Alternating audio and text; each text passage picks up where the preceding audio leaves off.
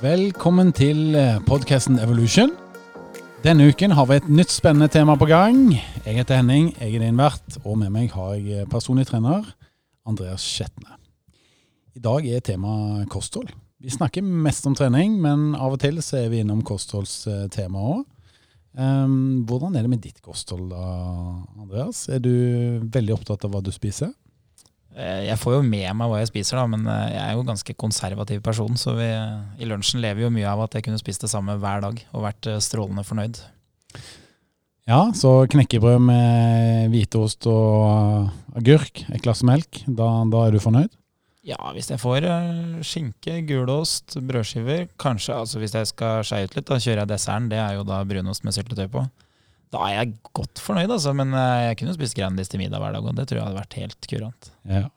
Men uh, hvis vi ser litt sånn på det i forhold til alle kundene som du har hatt som personlig trener, så er det vel sånn at du, du kanskje har lagt noen kostholdsplaner for at de skal spise litt bedre enn det de gjør i hverdagen. Uh, hvilke type mål er det de har, de som søker litt hjelp til kosthold? Veldig mange ønsker jo å gå ned i vekt. Og, og det som er viktig med kosthold, da, det er at uh, du skal dekke en del behov. Så uansett om jeg kunne tenkt meg å spise noe, så er jeg jo nødt til å spise variert, jeg òg. For jeg, på lik linje med alle andre er jo avhengig av å få i meg en del næringsstoffer. Og det man egentlig gjør da i stor grad for kundene sine, det er da å tilrettelegge for at de får i seg næringsstoffene, og at de får i seg riktig mengde med energi. Sånn at de, de som skal ned i vekt, de må jo da få kanskje litt mindre energi enn det de bruker.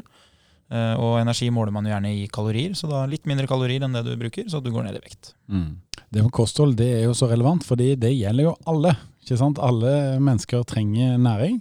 Og Jeg husker allerede når jeg var ungdom og spilte fotball, og var veldig glad i å spille fotball, så begynte jeg å tenke hm, i dag hadde jeg mye energi, eller i dag hadde jeg lite energi, i dag fikk jeg litt vondt i magen når jeg skulle spille, osv. Allerede da begynte jeg å bli litt opptatt av at oi, det har faktisk litt å si hva jeg putter i meg før jeg skal prestere. Og Med det så har jeg lyst til å introdusere dagens gjest. Eh, vi har eh, besøk av Yoma Iraki i dag. Han er personlig trener eh, på Avancia, Skedsmokorset. Han har faktisk så god utdanning at han har en master i idrettsernæring og en IOC-diplom.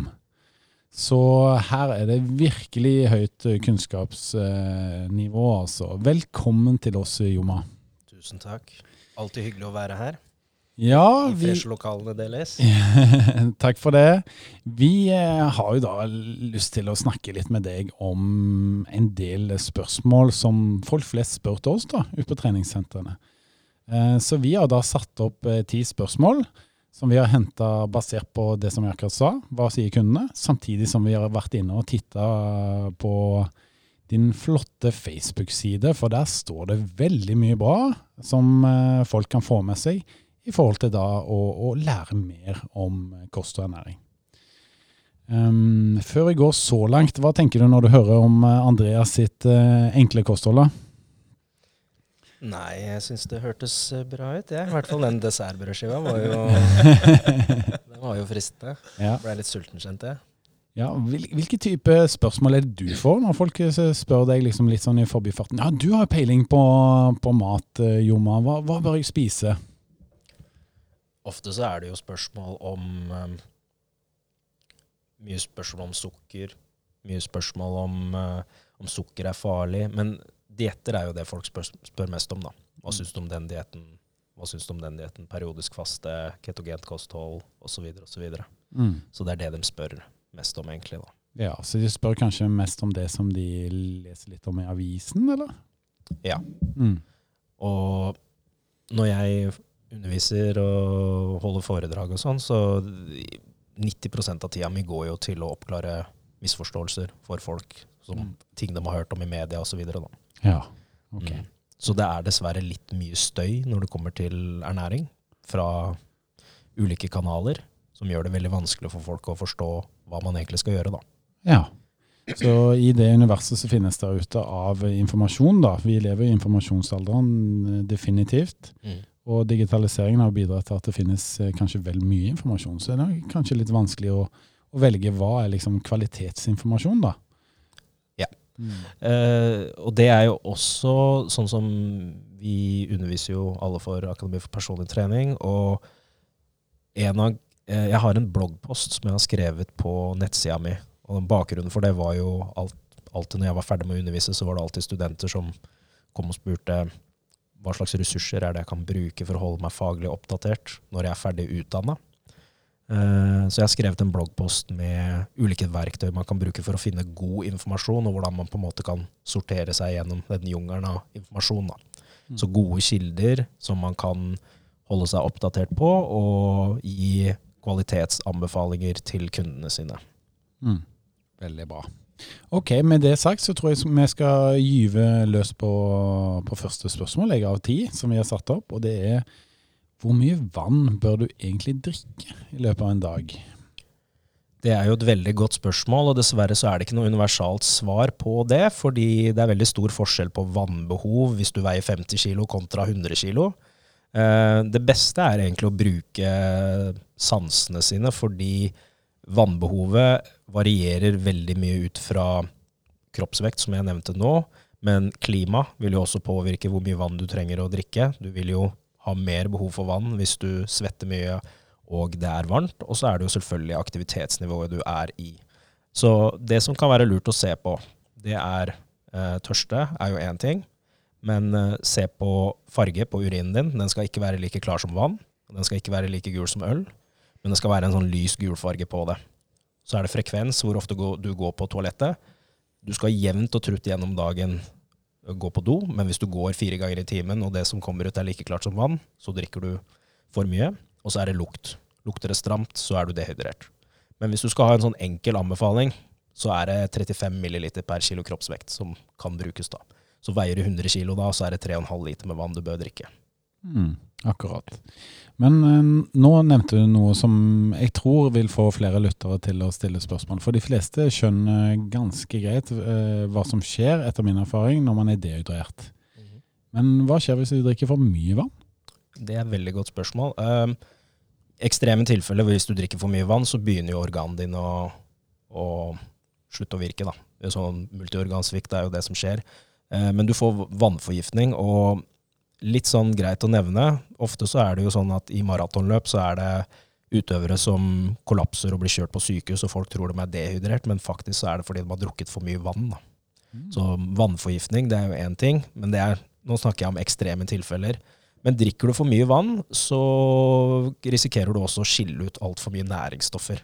Så det bør du passe litt på, da.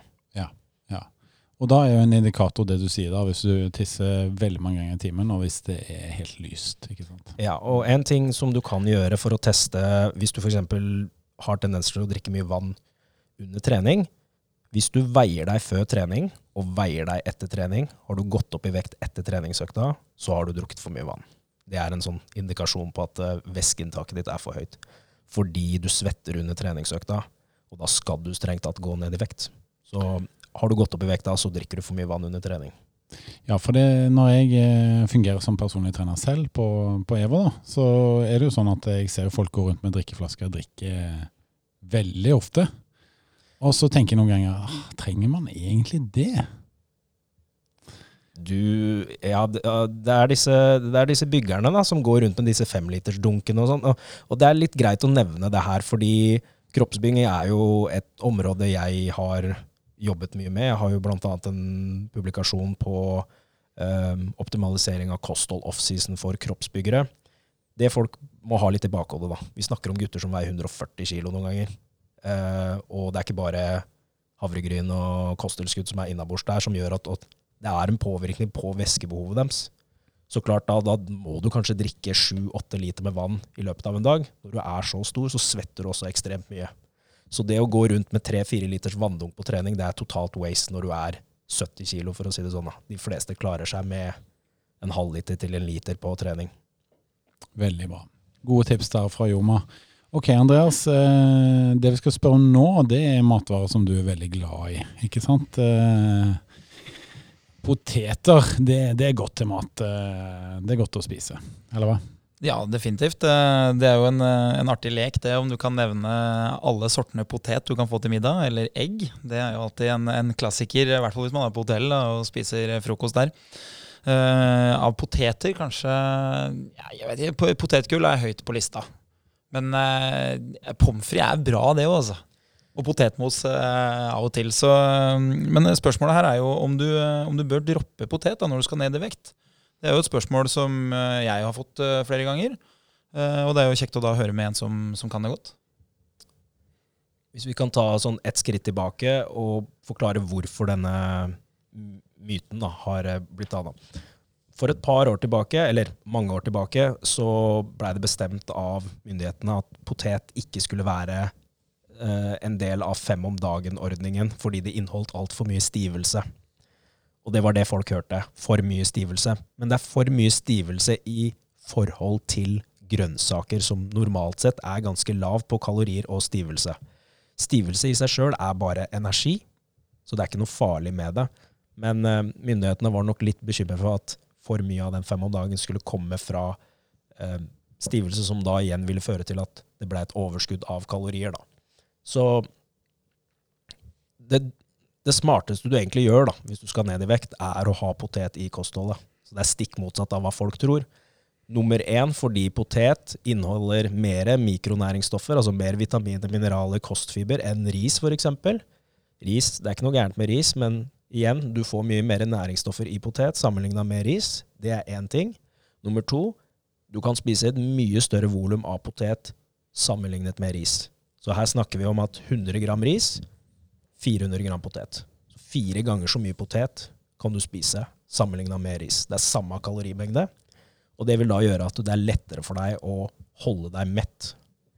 Nummer tre, eh, i en studie fra Holt og kollega fra 1999, så eh, Nei, vent. 95 er det, ikke 99.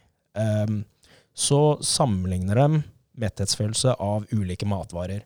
Og det de ser da, det er at det er en Ganske mange av matvarene har så å si lik, men så er det én som skiller seg spesielt ut. Det er poteten det er den matvaren som har den sterkeste metthetsfølelsen. Men det med volum er veldig viktig å tenke på når du skal ned i vekt. Fordi magesekken din responderer ikke på kalorier som blir spist. Den responderer på strekk på magesekken din. Så teoretisk sett så kunne jeg tatt en ballong, blåst den opp i magen din, og du ville følt deg mett av det, uten at jeg egentlig har tilført deg kalorier. Så jo mer du kan fylle opp magesekken din, jo sterkere metthetsfølelse får du, Derfor er det lurt å ha potet i kostholdet hvis målet ditt er å gå ned i vekt. Ja, da må jeg si til kongen om metaforer, som jeg har kalt deg her tidligere, Andreas, at eh, ja, dette, dette er godt nytt for potetens uh, ry. Ja, og så er det jo veldig godt å høre at ting vi har tatt opp i podkasten her tidligere, da blir bekrefta. Mm. Så det, det, er veldig fint det, at når vi har snakka om vektreduksjon tidligere, så, så, ser vi at det stemmer. Mm. Så poteten, den funker som en potet til det meste. Veldig bra. Da går vi videre fra potet til grønnsaker, vi. Mange ganger når man er gjerne litt sånn i tidsklemma, som eh, folk flest er eh, i større eller mindre grad i dag, så drar man i butikken og så ser man på alle de ferske grønnsakene som ligger ganske tidlig i butikken. Eh, tar med noen av de, og så kommer man til frysedisken og så skal hente seg noe der. Og så er det frosne grønnsaker som er ferdig kutta. De er klare, det er bare å koke det opp litt, og så er de ferdige. Og da er spørsmålet for det, den siste løsningen tar mye kortere tid. Men er det sånn at ferske eller fryste grønnsaker er best? Mange vil jo anta at det er ferskt, men det er faktisk fryst. Fordi eh, når ting blir fryst ned, så bevares mikronæringsstoffene bedre. Jo lengre noe får stå ute i byttekken og eksponeres for luft og lys, jo mer næringsstoffet tapes. Så det er faktisk fryste grønnsaker som har mer eh, mikronæringsstoffer. Um, når vi er inne på dette med praktiske ting, så kan jeg også gi et tips. Jeg har jo veldig mye å gjøre, så jeg er alltid på utkikk etter eh, måter jeg kan uh, lage ting på. Coop har en sånn pannemiks som er brun ris blanda med grønnsaker. Så det eneste du trenger å gjøre, er steke opp kylling, fisk eller biff og så hiver du denne fryste posen med brun ris og grønnsaker rett i panna. Rører rundt fem minutter, så er det ferdig. Slipper å koke grønnsaker, slipper å koke ris. Og så har du godt sammensatt måltid på under fem minutter. Så bare et sånt tips til lytterne. Nå fikk jeg en sånn følelse at jeg hadde Hellstrøm på besøk. Andreas. Eh, mange gode tips og råd her til lytterne, eller hva? Jeg skal jobba, hjem jobba og- to år som kokk, da. Jeg skal hjem og lage mat, jeg nå. For første gang, så. Jeg trodde du skulle spise brødskiver. jeg. Ja, det er det det pleier å bli, da. Veldig bra. Vi skal ha en litt sånn uh, avstikker, vi, i uh, topp ti-lista av spørsmål her. Uh, vi skal plutselig spørre om noe helt annet, vi. Fordi at du Du er en kar som har peiling på mer enn kosthold. Vi skal spørre om et kaldt bad faktisk er bra for eh, muskelvekst. Eh, fordi at eh, vi ser jo gjerne rundt på gjerne sosiale medier eller andre programmer på TV-en at idrettsutøvere da, de kaster seg i, et kaldt bad. Gjerne rett etter aktivitet. Da tenker man gjerne litt sånn på restitusjon, da. Um, men er et kaldt bad bra for muskelvekst? Veldig godt spørsmål. Um, egentlig så ser man en sånn, når man ser på forskning, så ser man en sånn fellesnevner at alt som på en måte korter ned på restitusjonstiden etter trening, ser ut til å ha en dårlig effekt på treningsadapsjoner. Så det som skjer når man tar et kaldt bad, det er de adapsjonene vi egentlig ønsker på cellenivå for muskelvekst, de blir forstyrret. Eh, og så får vi ikke optimal muskelvekst av det. Det samme ser man faktisk med antioksidanter. For når vi trener, så dannes det det som kalles for frie radikaler. Og det er jo det antioksidantene skal forebygge, eller bekjempe. Eh, vi og hvis vi da tar antioksidanter, så gjør antioksidanter jobben, og da trenger ikke kroppen vår å adaptere seg. Så da går litt av den treningsadapsjonen vekk, da. Dette har man sett på yngre mennesker. Det man har sett det på eldre mennesker. Man har sett det på muskelvekst, man har sett det på styrke, og man har sett det på utholdenhet. Alle viser akkurat det samme. Men her er det greit å nevne én ting. I treningssammenheng så er det lurt å ikke gjøre disse tingene. Men i konkurransesammenheng så kan det være aktuelt. Er du f.eks. på eh, treningssamling, du skal konkurrere, og du må ha strategier for å optimalisere restitusjonen din mellom kamper du f.eks. går, så kan det være aktuelt å gjøre disse tingene her. Kaldt bad, eh, antioksidanter osv. osv.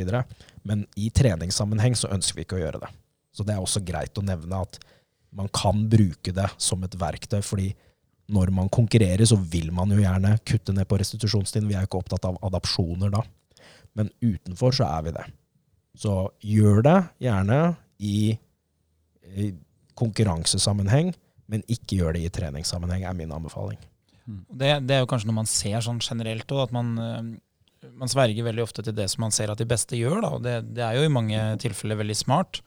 Men uh, som du sier her, da, så, så er det jo enkelte situasjoner som toppidrettsutøvere kommer ut for, som vanlige mennesker ikke trenger å ta hensyn til.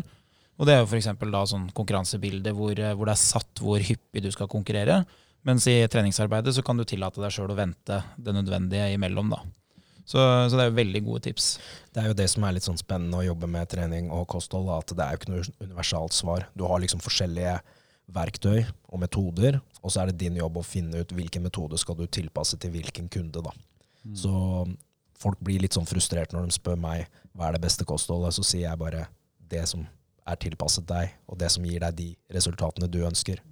Så det kan være to helt forskjellige svar du gir til to helt forskjellige personer. da. Mm. Og Det tror jeg det er greit at uh, du sier her, sånn at uh, de som er kunder, da, og det er jo flesteparten av lytterne våre, er jo, er jo da medlemmer eller andre som er interessert i trening, uh, som, som trener og gjerne trenger litt ekstra kunnskap om kosthold og om trening.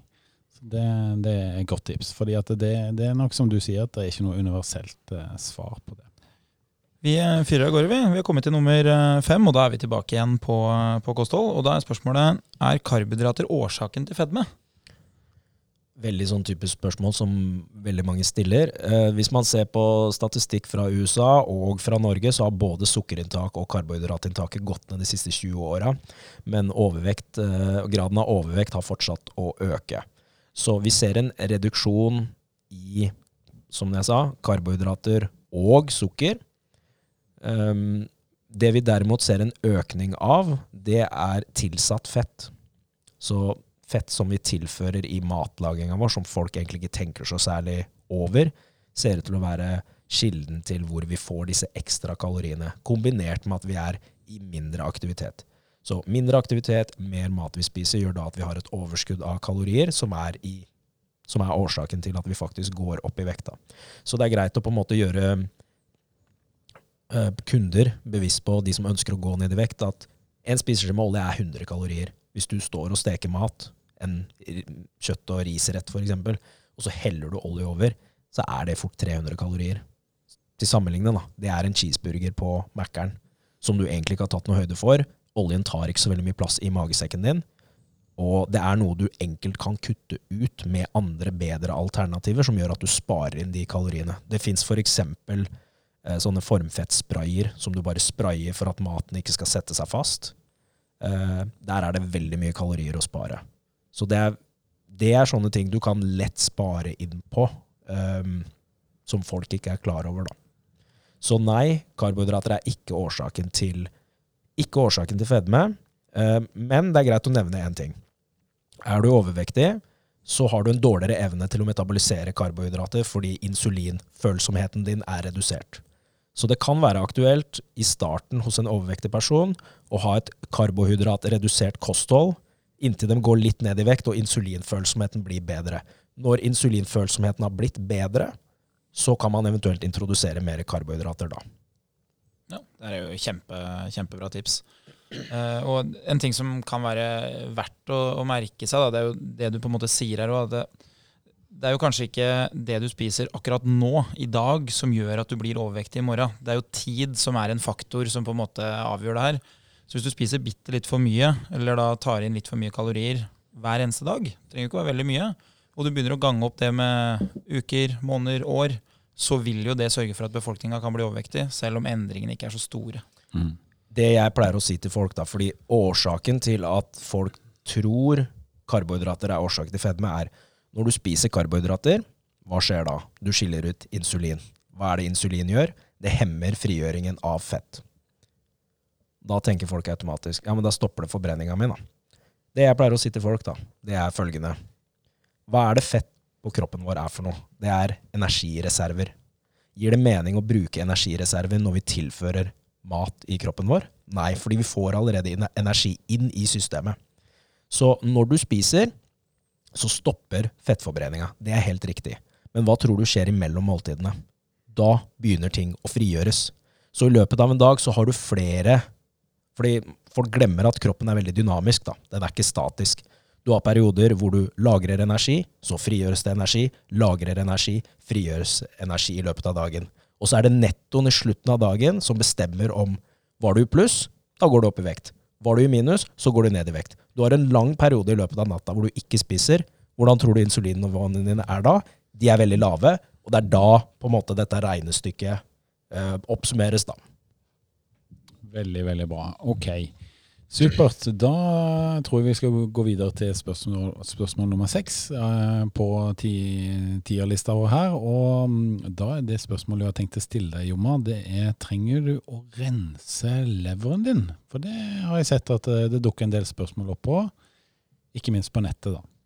Ja, man har jo veldig mye av disse detoxene for å rense lever og det ene og det andre. Men nei, det gjør du ikke. Vi har veldig velfungerende organer som klarer å ta seg av avfallsstoffer på egen hånd, så du trenger ikke å rense leveren din. Det klarer den helt fint sjøl. Uh, leverenzymer vil jo påvirkes av veldig mye. Det kan være mat. Spiser du mye mat, så vil du på en blodprøve ha forhøyede leverenzymer. Trening kan også påvirke leverenzymerne dine. Uh, sykdom, altså det kan være ulike ting som påvirker det. Men leverenzymer pleier å normalisere seg sjøl.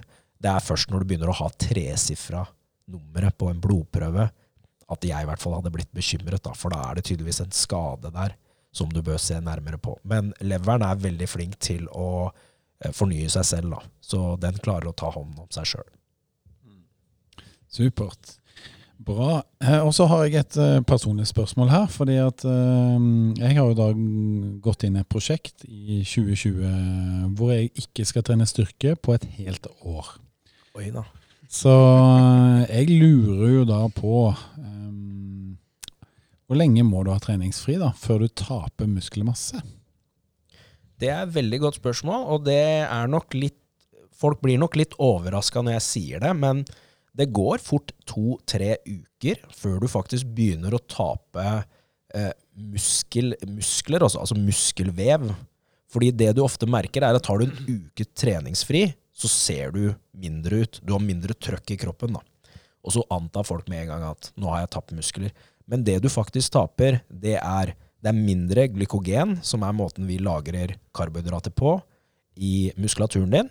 Og hvert gram med glykogen krever 2,7 gram med vann for å lagres. Så det er rett og slett lavere glykogen og lavere vanninnhold i muskulaturen din som vanligvis får deg til å se ganske biff ut, som blir borte, og det er det som gjør at du ser mindre ut. Men faktisk muskel, muskelvev, da, det tar to-tre uker uten trening før du faktisk mister det. Så nå har jeg akkurat kommet inn i den uh, tapsfasen, altså. Det er det du sier her nå? Det er, det er nå du begynner å miste gainsa. det blir spennende år, Andreas. Jeg elsker at Halvor sin spådom er jo at Henning går ned i vekt, men ikke blir raskere. Oh, ja. For jeg skal løpe fortere, da. Det skal være bieffekten av at jeg ofrer noe her som jeg er veldig glad i. Styrketrening. Ja. Så dette blir spennende år, altså. Dette, har, dette, har du gjort frivillig? Dette har jeg gjort frivillig. Det er et veddemål med Halvor Laustad. Og han eh, jeg, jeg, er jo egentlig både en god vinner og god taper, men eh, jeg, jeg tror jeg ble en dårlig vinner etter at jeg har slått Halvor i det veddemålet her. Altså. Det ligger jo i kortet her at, eh, at, Henning er en person som går på de 'jeg tror ikke at du tør å gå et helt år uten styrketrening'-utfordringene. Som trebarnsfar så må jeg jo bare innrømme det, og jeg bruker det aktivt på mine barn òg. Så vi har det mye gøy sammen. Yes, Men vi, vi drar videre. Vi, vi har spørsmål da nummer åtte. Det er jo veldig mange mennesker eh, som tar og, og da spiser eggene sine rå. da. De har vel sett på Rocky eller et eller annet sånt om at å, det er kult, da, da blir jeg ekstra stor og sterk. Men er det noe vits da, å få i seg rå egg? Ikke hvis du er opptatt av å få i deg mest mulig av proteinene i eggene, så er det ikke det. Det har blitt gjort en studie på rå eh, versus eh, kokt egg for å se på hvor mye proteiner som tas opp. Og man ser at når eggene er råe, så er det 52% av proteinene som tas opp. Når de er varmebehandlet, så er det 91% Så det er nesten halvparten av proteinene som blir tapt i avføringa di når du spiser eggene råe. Så er du opptatt av å få mest mulig ut av proteinene fra egg, så bør du varmebehandle dem. Så ikke hør på Rocky. Jeg pleier å høre på Rocky, men uh, i dette tilfellet her så skal jeg høre på Joma. Ja, det hadde jeg gjort. Uh, vår produser, da, Subek, han eh, pleier å drikke et par, par egg om dagen til frokost. ja, det må du slutte med. Det må du slutte med, Subek. Det er sånn de lærte i Tsjekkoslovakia det vet du, tidlig på 90-tallet. Det, det er den beste cocktailen de har, det. Jeg hadde tenkt å spørre navnet, det var ikke norsk. Subek. Subek. Nei. Bra. Um, de fleste av oss har jo gjerne da en guilty pleasure, som det heter. At vi eh, spiser noe eller drikker noe som vi kanskje vet ikke er det beste for kroppen, men det smaker såpass godt, føles så bra, at vi velger da å innta det allikevel. Vår store guilty pleasure, Andreas, det vil jo være lettbrus. Eh, vi, når vi foreleser eller sitter og klekker ut noen smarte ideer, vi prøver iallfall. Eh, vi har det gøy sammen. Så går det noen liter med Pepsi Max eller Solo Super og lignende ting. Men da får, eh, får jeg ofte det spørsmålet der, da, i hvert fall fra kunder, da, om aspartam er farlig. Og før vi lar Jomas svare, da. Jeg vil bare ha på meg det at helt fram til for tre år siden så drakk jeg ikke lettbrus i det hele tatt. Da syntes jeg sukkeret var det beste. Og så begynte du å lure meg ut på en sånn eh, vei eh, hvor jeg ikke fikk i meg kalorier, da, som er for min del ganske gunstig når det skal løpes fort på, på høsten. Så da kunne jeg drikke masse brus og fortsatt få en fin vektreduksjon. Så nå har det gått helt, helt ut av alle støvleskaft her.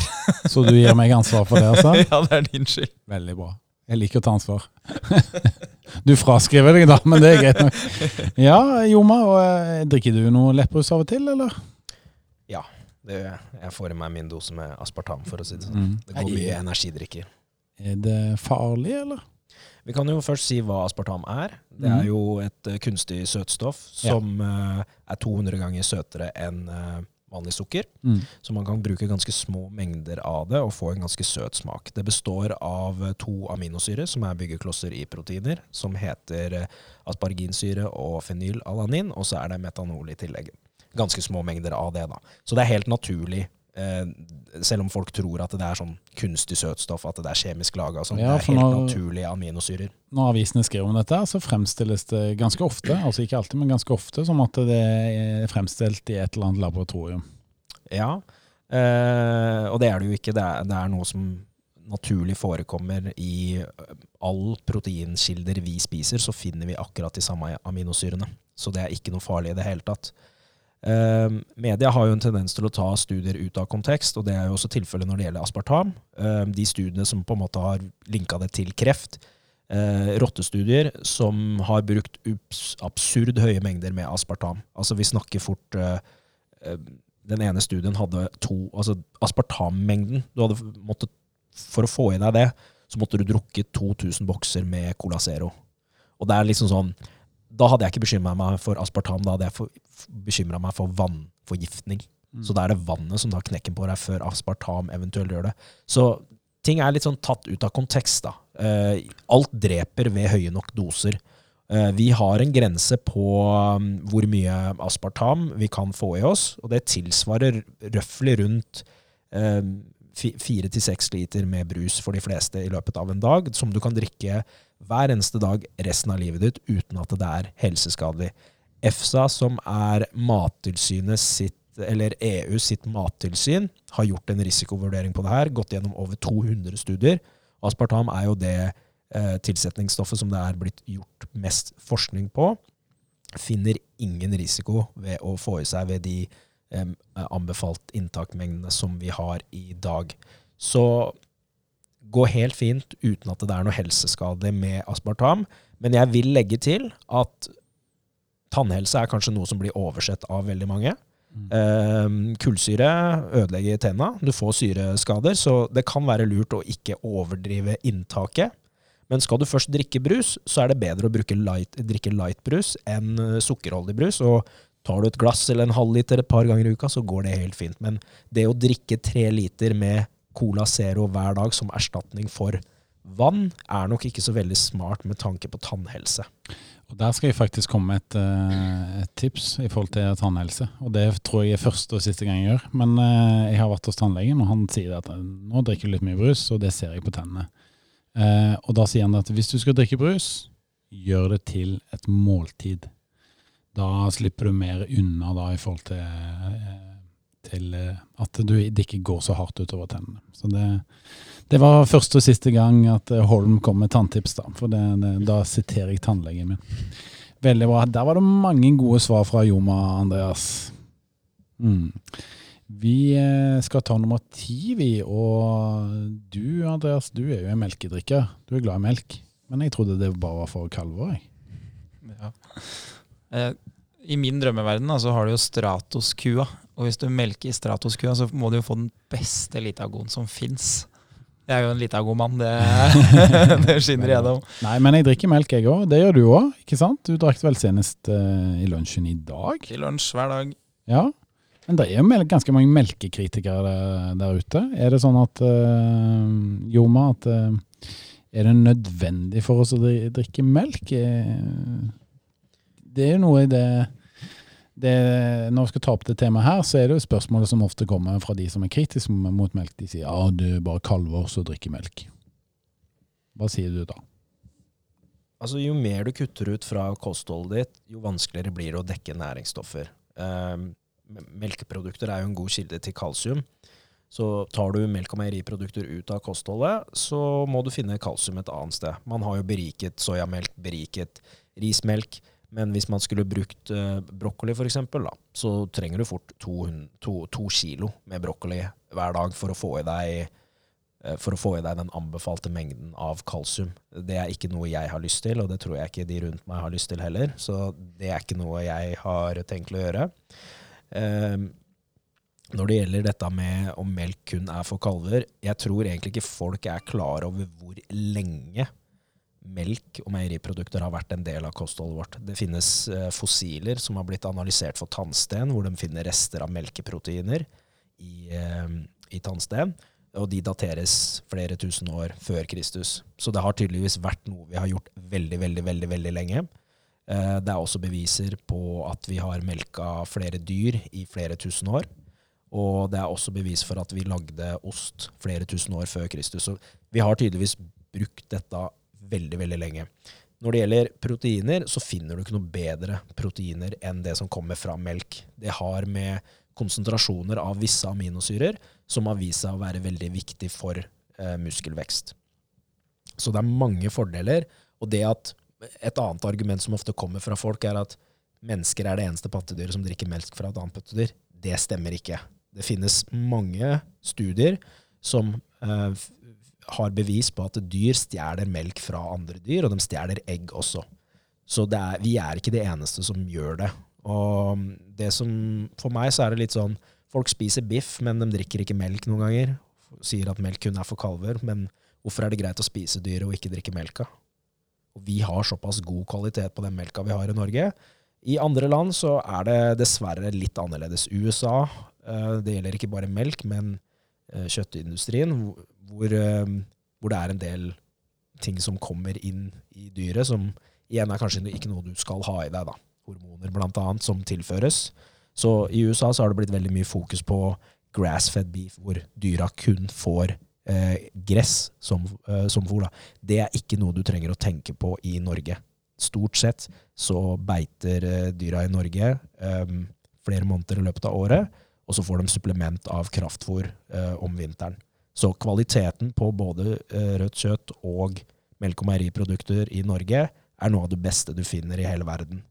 Er du laktoseintolerant, så kan det være lurt å bruke laktosereduserte produkter eller laktosefrie hvis du er veldig veldig sensitiv. De fleste tåler litt laktose, så da går det greit med laktosereduserte produkter. Men uh, ytterst få trenger å kutte det ut, med mindre du har en melkeallergi. Uh, forskjellen her er en veldig enkel test. Hvis du tåler gulost, så er det laktosen du reagerer på. For det er naturlig laktosefri. Men hvis du hadde hatt en allergi, så ville du ikke tålt det proteinet som er i gulosten. Veldig bra. Da har vi vært gjennom en ordentlig topp ti-liste av spørsmål som vi vi satte oss ned og forberedte oss gjennom da å lese gjennom alt det flotte innholdet på Facebook-siden din. Veldig bra. Takk for det. Um, du, jeg eh, vil gjerne ta meg tid til å ta et par spørsmål fra lytterne våre, som, som de har sendt inn um, i forhold til med kosthold. Og da har vi Kjell Olav. Han, eh, han spør er jus sunt. Det er ikke noe problem med jus. Um, hvis vi tar appelsinjus som et eksempel, så er 1 dl jus cirka det, det er ca. en appelsin. Og Da er vi tilbake til dette med metthetsfølelse. Skal du ned i vekt, så er det kanskje ikke så lurt å drikke appelsinjuice. Da er det kanskje bedre å spise en appelsin. Det vil gi deg en større metthetsfølelse. Fordi når ting blir bearbeidet også, så må kroppen jobbe mindre med det. Ergo det er mindre i systemet ditt, og da får du ikke like sterk metthetsfølelse av det. Um, målet, hvis målet også er vektreduksjon, så er det lurt å kutte ut mest mulig flytende kalorier rett og slett mm. igjen. Mindre metthetsfølelse av det sammenligna med å spise, spise mat. Ja. Men det er ikke noe usunt med det. Det er det ikke. Mm. Veldig bra. Og så har vi fra eh, Trine Bohin. Hun er veldig glad i biff, eh, sier hun, og spiser ofte rødt kjøtt. Eh, men hun er litt forvirra, for det står veldig mye forskjell i mediene. Men hvor mye rødt kjøtt bør hun, eller kan hun egentlig spise i løpet av en uke, er det som hun spør deg om. Dette er jo et spørsmål som kommer opp veldig mange ganger. Når man ser på studier når det gjelder mat, så er det såkalte observasjonsstudier. Vi observerer hva en, en um, gruppe med mennesker gjør, og så prøver vi å trekke korrelasjoner og trekke mulige svar ut fra det. Eh, mange av disse studiene så differensierer de ikke mellom mager biff og eh, bearbeidet kjøtt. Da. Så de putter eh, biff med pølser og hamburger i samme bolk. Uh, og Det er jo et problem, for det er jo forskjell på disse tingene. Det er ikke det samme. Nei, det er ikke det samme. Og når de har faktisk differensiert mellom dem, så har de sett at uh, risikoen når du spiser uh, bearbeidet kjøtt, er der, men ikke der når du spiser magebiff. Der er det faktisk ikke problem. Fetere kjøtt, så ser man også det samme, at det er problematisk. Men mengden du kan spise, det er det står, 500 er jo det myndighetene anbefaler, men det er ferdig varmebehandlet vekt. Så hvis vi skal ta utgangspunkt i råvekt, så er det 700-750 gram. Da er det rom for å spise biff et par ganger i uka.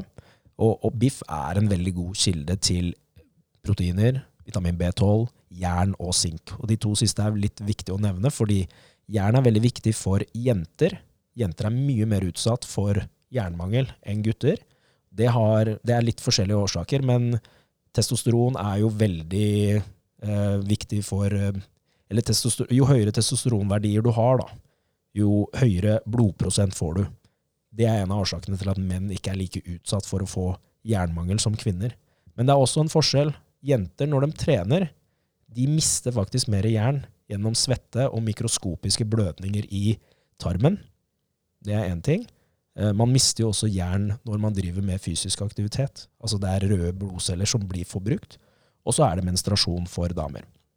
Så der har du flere ting som gjør at kvinner er mer utsatt for jernmangel. Når det gjelder menn, så er det faktisk sink som er viktig. Sink er veldig viktig for å opprettholde normale konsentrasjoner av testosteron. Så skjønnsorganer hos menn er veldig rikt på sink. Og en liten sånn fun fact. Hver gang en mann kommer, så mister han 5 mg med sink. Nå trenger ikke lytteren å freake helt ut og ta sinktilskudd ved nattbordet, men det er bare greit å nevne, fordi er du veldig seksuelt aktiv, så kan du faktisk tappe deg for veldig mye sink. Bokstavelig talt. Og da er det greit å være litt bevisst på det i kostholdet ditt. Så å spise biff et par ganger i uka går helt fint. Og myndighetene sier ikke 'eliminer biff', de sier bare 'reduser inntaket'. En siste ting som er greit å nevne, det er temperatur. Biff inneholder jern av veldig høy kvalitet, det som kalles for hemjern. Hemjern, når det blir utsatt for veldig høye temperaturer, så kan det danne seg kreftfremkallende stoffer. Så bare pass på at når du steker biff, ikke bruk for høye temperaturer, ikke svi kjøttet, og hvis du gjør det, så skjærer du det av og ikke spiser det. Kjempegode tips her, eh, altså. Og Andreas, her er det bare å sette i gang med sinktilskudd, da. Jeg skulle tro det. Ja, bra. Yes, nei, eh, her eh, håper jeg virkelig at lytterne våre har fått eh, mange, mange gode tips i dag. Jeg vil jo si det til lytterne at hvis du ønsker mer av Joma og all hans kunnskap, så gjerne gå inn på jomairaki.com. Du kan òg se på coach. skal vi se Beklager. Jeg kan det ikke utenat, vet du. Jeg har Co det jo på Instagram. min. Coach Joma Iraki. Coach Joma Iraki på Instagram. Der kan du følge med på Joma. Han er aktiv, og han har veldig mye bra content. Så der eh, anbefaler lytterne å følge med. Um, Joma, tusen takk for at du ville komme til oss og gi lytterne våre så mange gode tips. Bare hyggelig. Tusen takk for at jeg fikk komme. Bra. Vi lærte jo noe med òg her, Andreas. Det må jo være ydmyk å si. Jeg eh, har jobba med trening i mange år, men det kunnskapsnivået her på kosthold, det skal jeg ikke skryte på meg å, å ha, altså. Nei, og det er jo derfor vi også anbefaler å følge Joma. Han er jo fryktelig dyktig til å fortelle på en enkel måte, sånn at eh, de som ikke har forkunnskap, kan forstå eh, det som han sier. Mm, formidlingsevnen er med andre ord veldig, veldig bra. Fortsett å lytte til oss gjennom enten Spotify eller eh, gjennom da eh, podkast på din eh, iPhone. Mm. Og så er det sånn at vi har jo en strålende blogg som heter Evolution. Følg med der for nye, fine, motiverende og inspirerende artikler. Så da sier vi fra oss Tusen takk for en fin podkast med strålende besøk. Sayonara. Og god trening.